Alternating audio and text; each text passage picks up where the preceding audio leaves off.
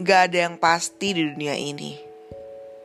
Apa yang akan terjadi besok atau sedetik setelah ini, kita gak pernah tahu pasti. Namun, semua itu bukan alasan untuk khawatir dan takut akan masa depan. Buat apa? Ketakutan hanya akan membuat kita jadi makin sulit untuk bahagia.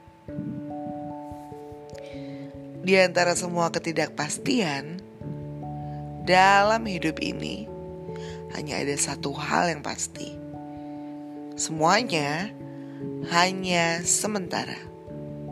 Kita gak akan hidup selamanya. Orang-orang yang kita sayang gak akan selalu bersama kita.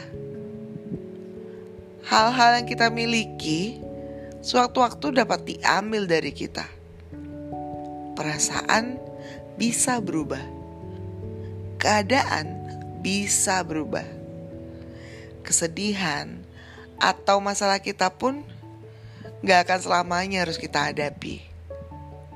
Jadi, hiduplah di masa sekarang, karena hanya sekarang yang benar-benar kita punya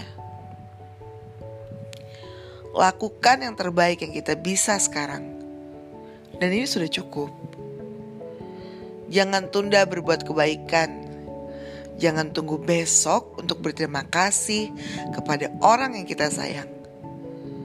Jangan akhirnya kamu menyesal karena tidak sempat lagi melakukan hal yang seharusnya bisa kita lakukan lebih awal. Hargailah apa yang kamu miliki Bersyukurlah untuk hari ini. Hidupmu bisa jadi lebih bermakna. Dimulai dari sekarang.